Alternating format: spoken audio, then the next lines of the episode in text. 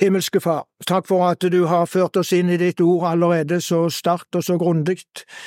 Og nå ber vi òg, når vi skal dele ditt ord med hverandre, med hverandre i det videre, at du er oss nær med åpenbaringsånd, slik at ditt ord blir levende for våre hjerter, til gang for oss og til ære for ditt navn.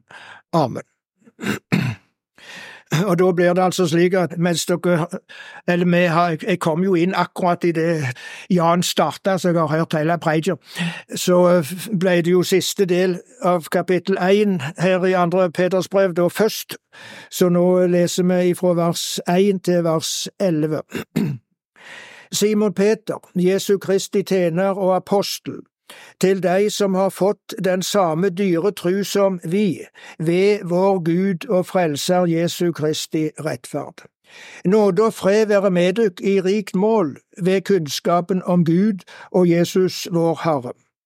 Da Hans guddommelige makt har gjeve oss alt som tjener til liv og gudsfrykt, ved kunnskapen om Han som har kalla oss ved sin egen herligdom og styrke, og gjennom dette har gjeve oss de største og dyreste lovner, så ved dei skulle få del i guddommelig natur, etter at det har flydd bort fra fordarvinga i verda som kjem av lysta.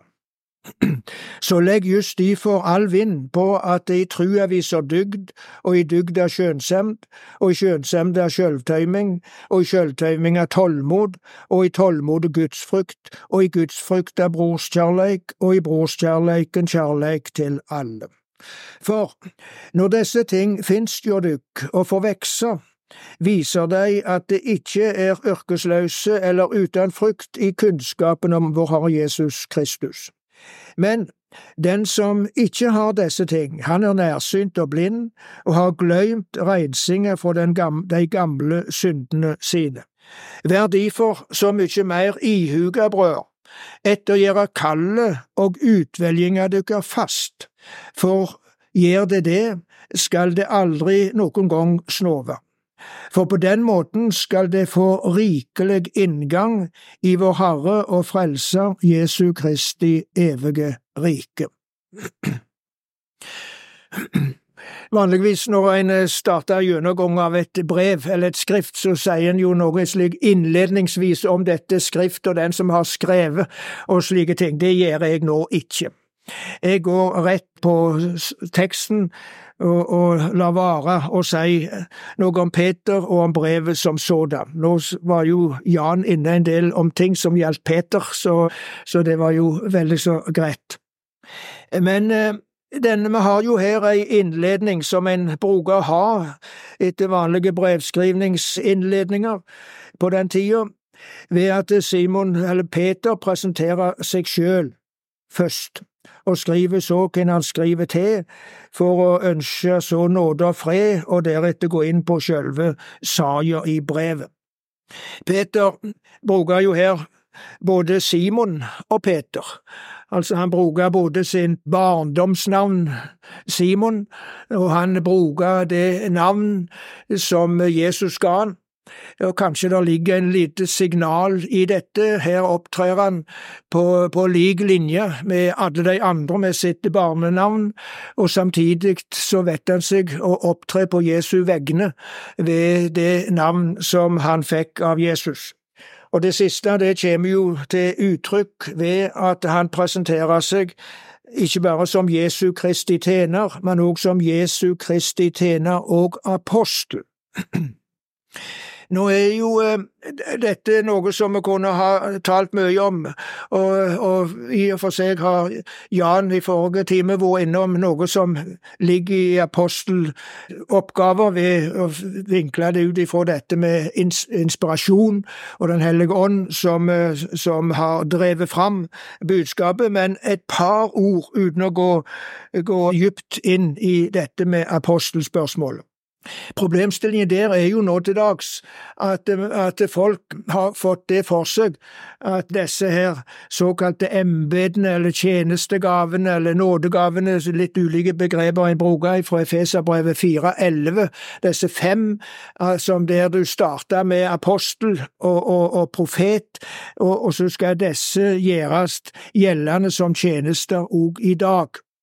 Og med det så har en fått en ny forståelse av hva apostel er i forhold til Vi er jo godt voksne, de aller fleste av oss. Det er jo noen få ungdommer her, men de aller fleste av oss de er jo så godt voksne at vi minnes tilbake til den tid at det var selvsagt at apostel bare bruktes om de tolv pluss Paulus.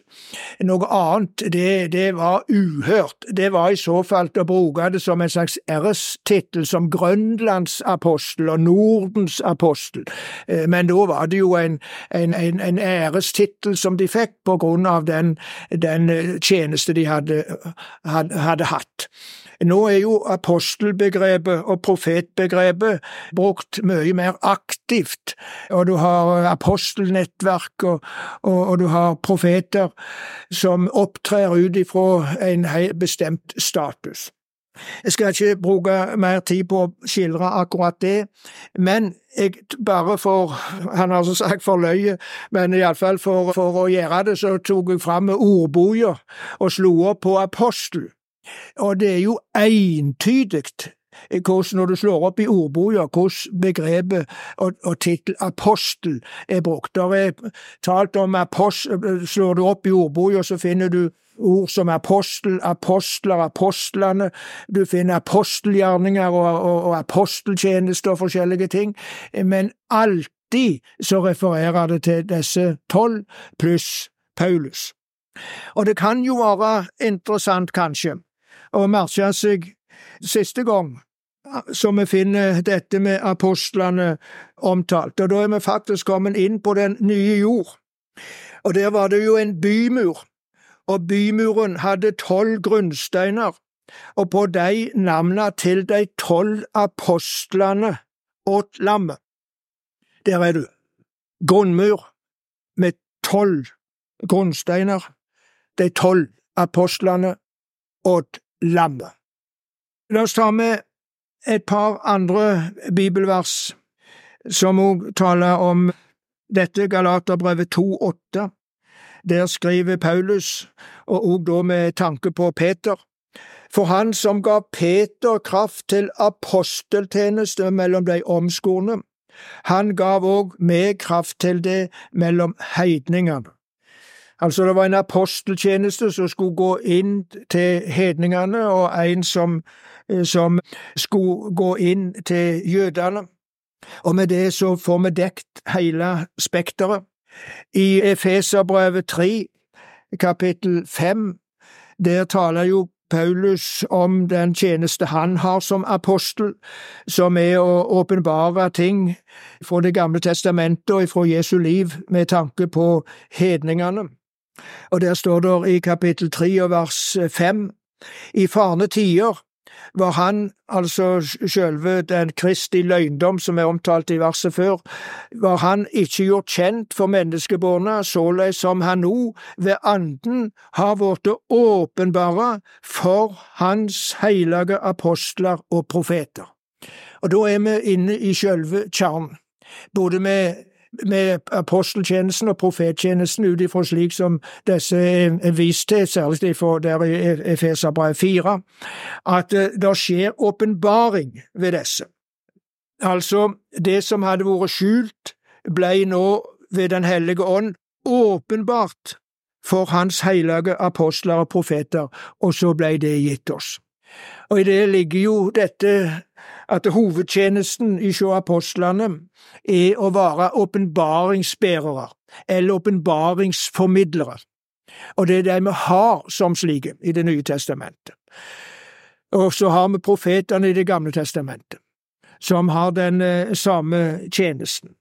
Og da ender vi jo opp på en enkel måte, egentlig, med tanke på apostlene sin tjeneste med det som står om de første kristne, som dere kjenner jo godt.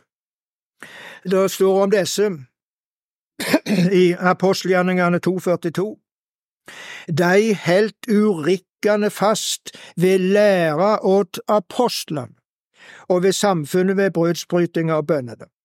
Det første som er nevnt, er altså, og som danner grunnlag for det øvrige, er at de halvt urikkende fast på læra åt apostlene. Og den kunne de allerede da holde fast på, fordi den var gitt, og fordi det ikke kom noen annen lære fra apostler enn de som, som, var gitt i og med som skjedde ved de tolv og Paulus, og som har fått nedfelt i vår bibel. Nå er begrepet profet her ikke nevnt, men jeg bare nevner det òg så vidt, for eh, det er òg altså et parallellbegrep nå til dags som er brukt med i forhold til, til apostel i stor grad. Og, og, du har fått en forståelse av aposteltjenesten som jeg ikke hadde i min barndom, og som jeg undres på, egentlig, fordi når du leser i Efeserbrevet 4, ja, vers 11, så er disse tjenestene, eller nådegavene som dere nevnte, de er ikke definerte der. De er bare nevnte. Det er ikke sagt, det er ikke noen definisjon i det kapitlet, eller i det verset, på de forskjellige. Det må du finne andre plasser. Og vil en da finne ut av hva er det å være profet, nå er det ikke ofte det er brukt selve tittel heller profeter, men det er talt om å tale profetisk, og da er fokuset litt annet. Da er det ikke på fokuset på en person som har en bestemt tjeneste, slik sett, men da blir fokuset på selve forkynnelsen. Og vil en da definere profetens tale, så må en jo gå til det kapitlet der Bibelen sjøl definerer dette, nemlig første Korinterbrev kapittel 14. Og Det skal ikke jeg gjøre nå, fordi det ligger utenfor eh, for, for det som står her, men jeg bare nevner det opp imot dette med forståelsen av, av apostelen. Og så står det da videre at Paulus han skriver, nei, Peter han skriver til de som har fått den samme dyre tru som vi. Eller det kan visst òg oversettes den samme, eller den likeverdige tru som vi.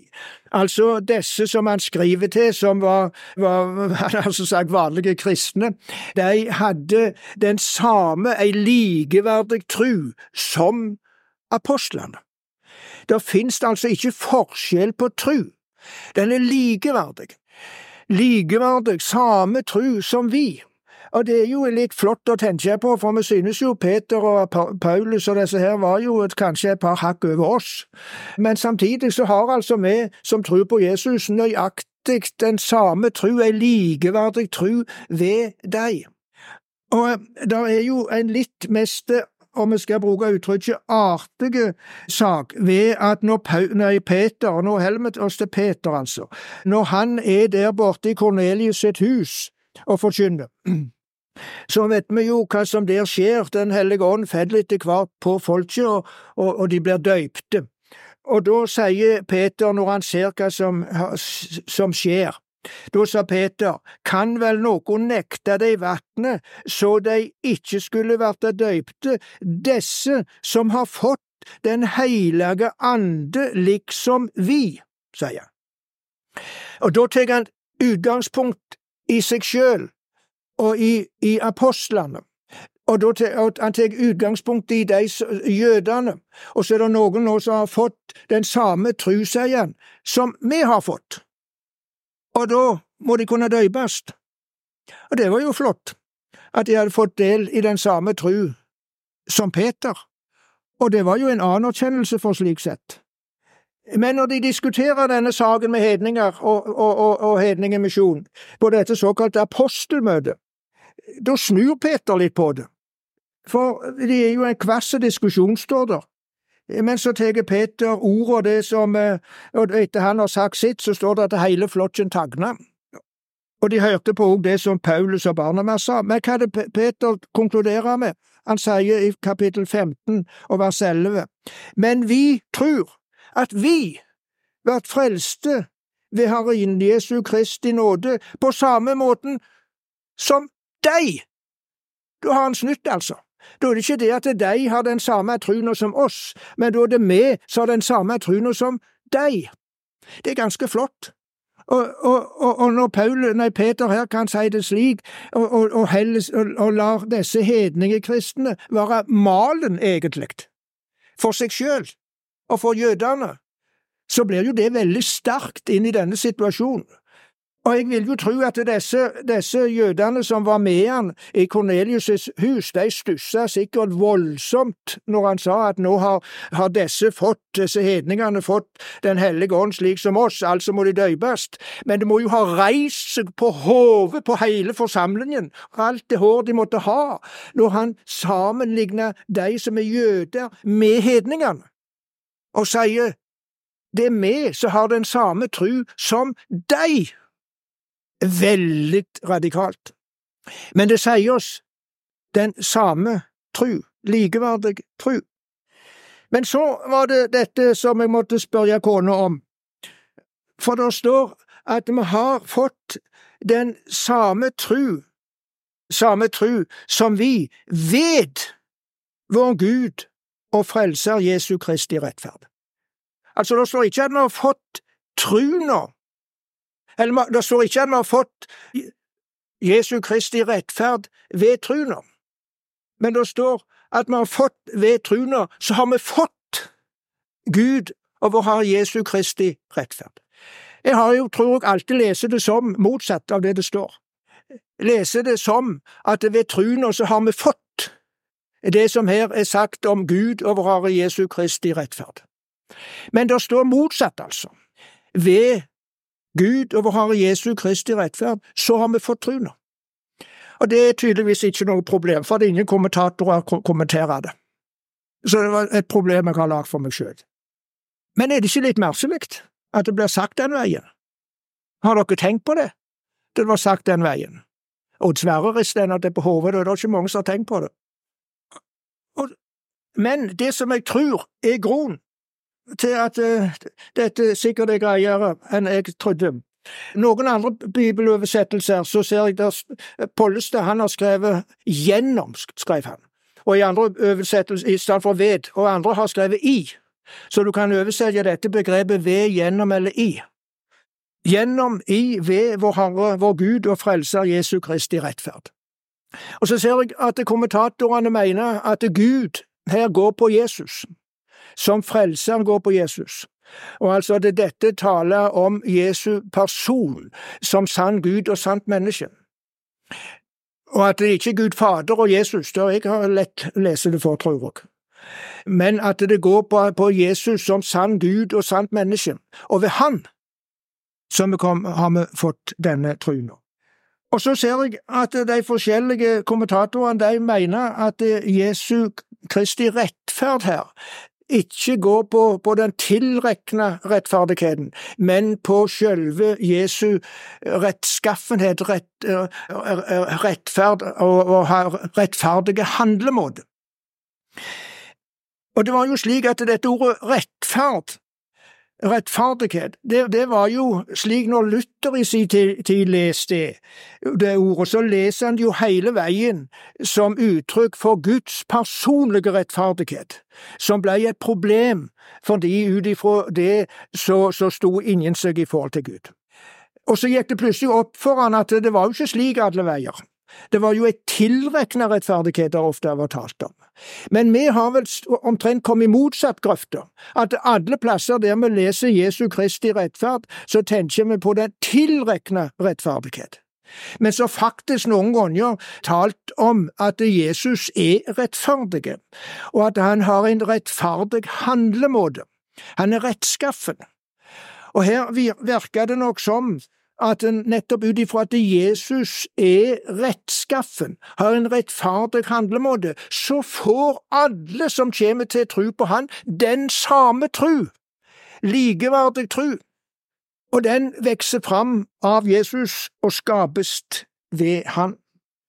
Og ut ifra dette så forkynner de nåde og fred og denne, sier han, nåde og freden være med dykk i rikt mål ved kunnskapen om Gud og Jesus, vår Herre. Ved kunnskapen.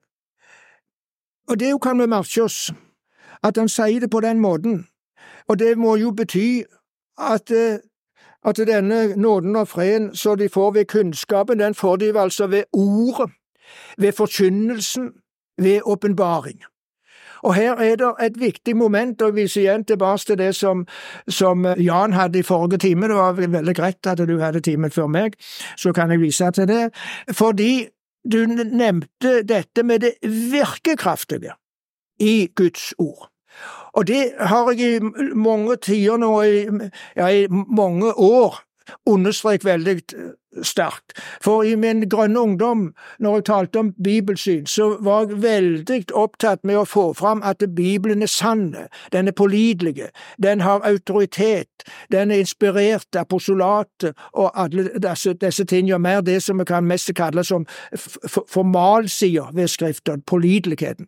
Men det har jo gått opp for meg, etter hvert, enda mye sterkere enn før, at det er et hovedelement i selve vårt bibelsyn, er at ordet er virkekraftig. Det er et åpenbaringsord som har virkekraft i seg, fordi det er inspirert og er bærer av Den hellige ånd.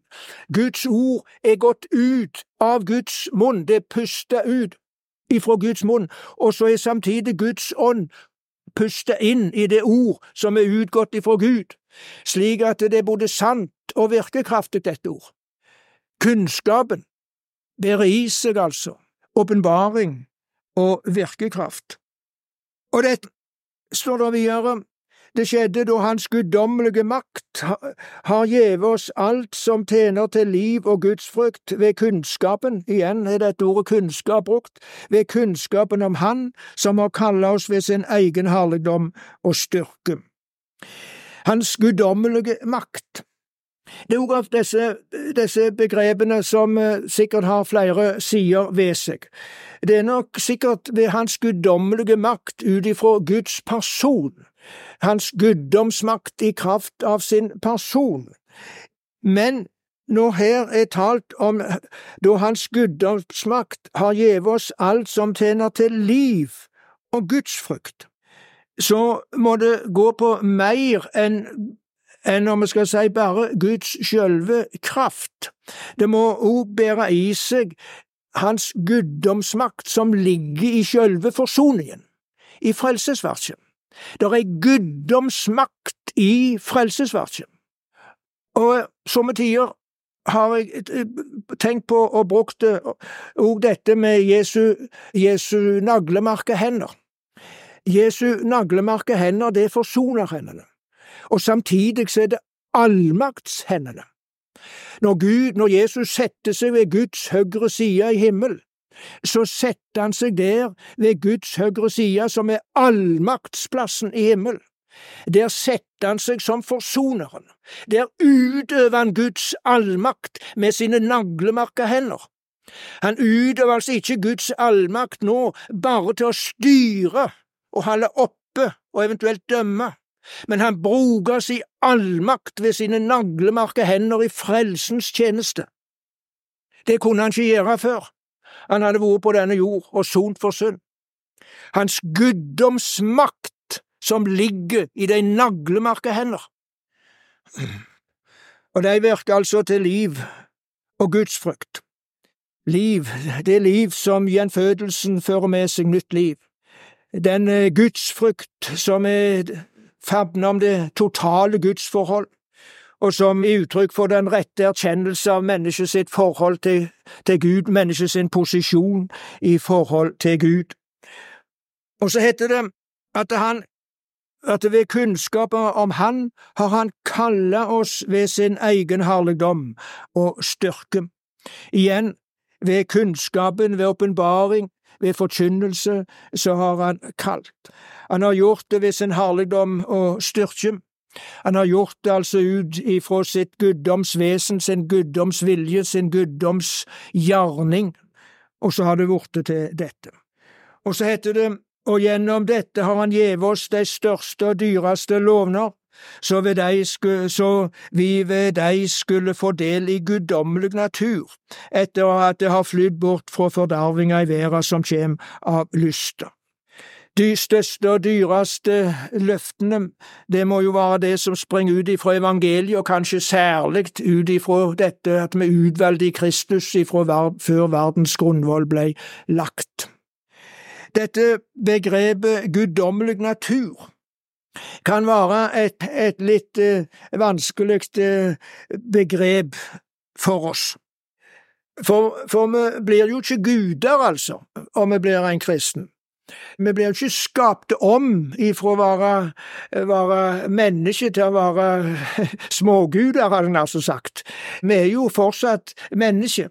Og så heter det seg at vi har fått del i guddommelig natur. To-tre ting som jeg tenker dette må, må bære i seg.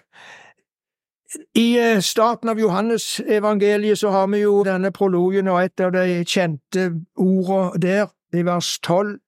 Men alle de som tok imot han, de gav han rett til å verte Guds barn, de som tror på navnet hans. Guds barn, det må jo vel være noe i dette å ha fått del i guddommelig natur, være plassert inn i den posisjon som Jesu brød, som Guds barn. Johannes taler mye i, i sin ypperste prestelige bønn om dette at han og Faderen er ett, men han taler også mye om at vi ikke bare som kristne er ett, men vi er ett i Gud, ett med Kristus. Som Faderen og Sønnen er ett, så er òg vi ett med, med Faderen og Sønnen. La oss ta noen vers òg der ifra kapittel 17 i Johannes evangelium, og da ifra vers, vers 20. Jeg ber ikke bare for disse, sier Jesus, men òg for de som ved orda deres kjem til tru på meg, at de alle må være ett, liksom du, Far, i meg og jeg i deg, at de òg må være ett i oss. Og det er taleordet ett, altså, som er brukt. Må være ett i oss. Så verda skal tru at du har sendt meg. Og den herligdommen du har gjeve meg, har jeg gjeve deg, så de skal være ett, liksom vi er ett. Jeg i deg, og du i meg, så de skal være fullkommelig ett så verda kan kjenne at du har sendt meg og elska deg liksom du har elska meg. Det er veldig sterke uttrykk som blir brukt, altså. Det er så sterke uttrykk at det, er, det går et hakk over hva vi egentlig er i stand til å forstå, hva som kan ligge i slike begreper. Men de står der. Og da, i lys av slike ord og begreper, så demrer det noe del i guddommelig natur, med ett med Gud i Kristus. Ja, denne enheten, den er endatil til så sterk at Paulus i Efeserbrevet sier at vi setter i himmel nå med Kristus. Og sitter dere jo rundt omkring her på stolene. Og samtidig så sitter dere altså i himmel, dere som tror på Jesus.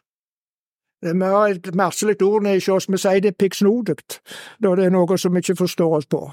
Og, og det er piggsnodig, altså. Hvordan i all verden du kan være her på stolen din og sitte i himmelen samtidig? Men det er dette, det er dette forunderlige mysteriet som er å være i Kristus. Del i unommelig natur, på en så sterk måte at vi er plassert i himmelen med Kristus. Og så er det talt om dette, det er jo Johannes som skriver mye om disse tingene, at vi har samfunn med Gud, skriver han om i, i sitt første brev. Og han skriver der òg at eh, vi er født av Gud, står det, og den som er født av Gud, synder ikke, står det, for han har Guds sæd i seg. Og Samtidig så har jo Johannes tidligere i det samme brevet skrevet at den som sier at han ikke har synd eller ikke har syndet, han lyver. Så han skriver ikke om noe, noe slik eh, syndefrihet i, i ytre sett, men han skriver tydeligvis om det som ligger i å ha guddommelig natur, Guds sæd. Det som er født av Gud, det synder ikke, men det som er født av mennesket, det synder. Og da har du kampen egentlig der, imellom det gamle og det nye mennesket. Vi kan ikke bruke mer tid på det, tror jeg. Så kommer det en, ei, ei, ei opprekning, nærmest, fra vers fem til vers sju, som, eh, som starter i truna. Og ut ifra dette, altså, at vi har fått del i guddommelig natur, natur, og flydd bort ifra darvinga i verda som kommer av lystne, så legger just de for vind på at i trua i trua, det er utgangspunktet. Ut ifra truna så skal det gå noe. At det i trua viser dygd, det er jo et gammelt godt ord, og i dygda skjønnsemd, og i skjønnsemda sjølvtøyming, og i sjølvtøyminga tålmod, og i tålmodet gudsfrukt, og i gudsfrukta broderkjærleik, og i brorskjærleiken kjærleik til alle. Her var mange gode nynorske uttrykk. Og jeg skal ikke ta for meg disse, disse begrepene, jeg tror vi, vi egentlig oppfatter de nokså nok så greit. Vi skal nevne, bare understreke to ting. Det ene er altså dette som her er talt om, går ut ifra vår tru. Og så vil jeg nevne det siste som står, og i brorskjærleiken kjærleik til alle. Jeg har forstått det slik når jeg har slått opp et par slike kommentarer for å forberede meg her, at dette ordet til alle ikke står på, i, i, på, på grunnteksten. Det står på kort og godt bare og i broderskjærleiken kjærleik. Og det er litt talende, altså. Så har en kommet til at en måtte skrive til alle for at det lå inneslutta i dette kjærlighetsbegrepet. Men det at det står egentlig og i broderkjærleiken kjærleik, det sier, det, det gjør dette kjærlighetsbegrepet absolutt, ubegrensa, til alle. Kort og godt, i brorskjærleiken er det kjærleik som må slå seg ut på alle livets områder, overfor alle mennesker, overfor alle typer mennesker.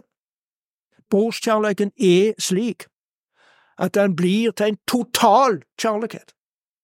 Det er noen bibelord som jeg synes vanskelige, kort og godt fordi de er så enkle å forstå. Her er ett av de, altså. I brorskjærleiken kjærleik, valgt og forandret. Det er ikke enkelt. Og dette blir veldig aktualisert, synes jeg, i Første Johannes brev kapittel 5 og vers 16 og 17. Nei, kapittel 3 vers 16 og 17. På dette har vi lært å kjenne kjærleiken, at han setter livet til for oss. Vi òg skylder å sette livet til for brødrene. Men den som har gods i denne verden, og ser bror sin lie nau, og likevel let hjarta sitt att for han, hvordan kan kjærleiken til Gud verte værende i Han? Vi som lever i 2024, eh, som er kommet til nå, som er medietida framfor noen annen tid, og får all elendighet og all lidelse inn i stua vårt hver dag i store doser, så vi kan ikke skylde på at vi ikke ser noe nød. Da synes jeg dette verset her i Johannes blir fryktelig utfordrende. Ikke fordi det er så vanskelig å tolke, men fordi det står så veldig tydelig fram.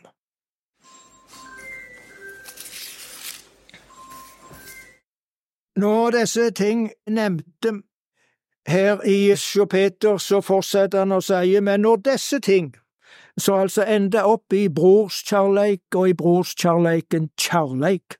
Når disse ting, sier jeg, fins jo dykk får vekse, viser de at det ikke er yrkesløse eller uten frykt i kunnskapen, igjen kunnskapen, om vår Herre Jesus Kristus. Det kan altså måles om vi er yrkesløse eller ikke, om vi har frukt eller ikke, kan altså måles på disse ting som her er nevnte særlig altså, på kjærleiken, som er uten grenser, og som ser særlig den i nød. En parentes, jeg har akkurat lest ei bok om eh, landsloven fra 1274. Hun har skrevet en svær anmeldelse som kommer i dagen nå en av dagene. Det var ei uhyre interessant bok, og lærerik bok. Og noe av det som der tydelig, det er at eh, kong Magnus, lagerbøter som lagde det, han var grepen av si gudstru og av Guds vesen på en slik en måte at det måtte gjennomsyre lovene, og særskilt i omsorg for fattige. Men den som ikke har disse ting, han er nærsynt og blind, og har glemt reinsinga for de gamle syndene sine. Så kommer de to eh, siste versene av det som jeg har som tekst. Vær derfor så mye mer ihuga, brød, etter gjøre kallet og utvellinga dykkar fast, for gjør det det, for gjør det dette, skal det aldri noen gang snove for på den måten skal det få rikelig inngang i vår Herre og Frelser Jesu Kristi rike. Her er det altså talt om å gjøre si, sitt kall og si utvelging fast. Og det skal føre til at en kan leve et liv uten at en åndelig talt snufler, som vi sier, snover, som det står her. Og dette jeg mener han heter Nestingen, en kar fra Amerika som har vært her og talt på, på, på disse her fordypingsdagene, lutherske sådanne. Og han hadde om utvelgelsen en gang. Og det, Da la jeg merke til at han understrekte voldsomt sterkt, han drev jo og talte uten manuskript, husker og hadde alt dette der oppi hodet sitt, og, og understrekte veldig sterkt at når vi skal tilrettelegge utvelgelsen ut ifra en lyttersk forståelse, så må vi alltid starte med kallet, sa han. Det er kallet som orienteringspunktet og utgangspunktet. Og det tror jeg han har veldig rett i, altså. Og derfor tror jeg det heller ikke er tilfeldig at det her står å gjøre sitt kall og utvelging fast, i den rekkefølgen, og at uh, begge deler er nevnt. Og når det står slik som dette, og er talt om å gjøre sitt, og nå nevner jeg særskilt dette med med utvelgelsen, å gjøre si utvelging fast, så indikerer jo det at utvelgelsen er ikke noe absolutt på en slik en måte at det er der som noe bestemmende for den enkelte ifra evighet av. For da kunne du ikke gjort det fast, altså. Da hadde det stundet fast, da i, i, Du kan ikke gjøre fast noe som står fast. Det må jo være et eller annet her som gjør at det kan glippe med kallet og med utvelgelsen.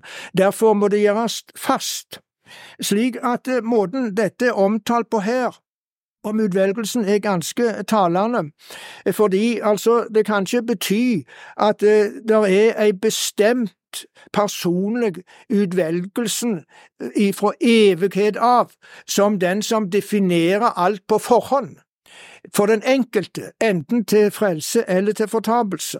Altså utvelgelsen står ikke da Ut ifra den tanke så, så, står utvelgelsen som et uttrykk for å forklare hvem som blir frelst og ikke, altså de som er utvalgt fra evigheten og blir frelst, og de som ikke er det, går fortapt. Men denne måten det er omtalt her på, taler i en annen retning. For her tales det om å gjøre sin utvelgelse fast, og da må det tale om noe som korresponderer med dette som tidligere er sagt om kunnskap, og det som skjer ved kunnskap, ved ordet, ved forkynnelse, ved åpenbaring. Altså, en må gjøre sin utvelgelse i Kristus fast ved ordet, ved forkynnelsen, ved åpenbaringen. Det betyr at utvelgelsen er et uttrykk ikke som for å skilje flokkene i to, den og hvem som blir frelst eller ikke, men det er et uttrykk for hvordan mennesket blir frelst, og hvorfor mennesket blir frelst, nemlig i Kristus og ved Kristus, og ved at en så møter Kristus ved ordet og åpenbaringen. Og så skjer det det vi på fint kaller et eksistensielt møte, der ved når ordet forkynnes, om en tar imot og avviser eller ikke, om en tar imot kallet, om kallet går inn i utvelgelsens rom og eier alt som er utvelgelsen, eller ikke.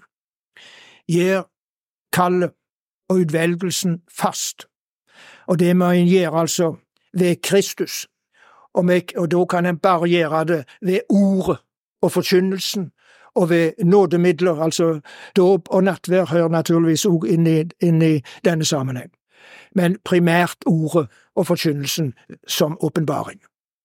Og da svarer dette til det Paulus skriver om, at det er Gud, vi skal, vi skal arbeide på vår frelse med frykt og beven, og så er det sagt at det er Gud som virker til å vilje og alle ting i livet. Og da er det siste, for på den måten, ved altså at det gjør kall og utvelgelsen dere fast, på den måten skal det få rikelig inngang i vår Herre og Frelser Jesu Kristi evige rike. Rikelig inngang i vår Herre og Frelser Jesu Kristi evige rike. Det er et svært begrep òg, dette med det evige riket, som går tilbake til Daniels bok, for eksempel, og der det er talt om et, de forskjellige riket som skal gå, så stiger det fram et evig rike. Og så møter vi dette igjen i Johannes' åpenbaring, og så stiger vi nå inn med to bibelhenvisninger her i kapittel 21 som det aller siste. For når vi får inngang i det evige riket, så får vi altså inngang på den nye jord. Og hva står der om der med tanke på den nye jord, når en er kommet inn på den? Og da er det talt om det nye Jerusalem, som er et, egentlig et uttrykk for alt Guds folk som er frelste, som stiger inn på den nye jord. Og så heter det, fra trone hørte jeg ei høg røst som sa, Sjå, Guds bostad er jo menneske. Han skal bu jo deg, og dei skal være hans folk, og Gud sjøl skal være jo deg, og være, være deira Gud. Det er inngangen, den rigelige inngang i Jesu Kristi evige rike, at Gud sjøl kjem og tar bostad blant oss det vil si tar bostad sammen med si bror på den nye. Og så er det en av englene som er guide der på, på den nye og så skal han vise, vise Johannes brura. Og da kunne vi jo tro at han fikk se den store hvite flokk, ikke sant? Uteljende, men det får han ikke se. Han får se en by, ei marselig bror, en by, det nye Jerusalem. Og det sier oss altså det nye Jerusalem står jo som et uttrykk for Guds frelse. Guds frelse og Guds folk er ett på den nye jord. Og da toppes det i dette som er sagt om byen, som altså er brura. Han hadde Guds herligdom. Mange takk, Johannes, for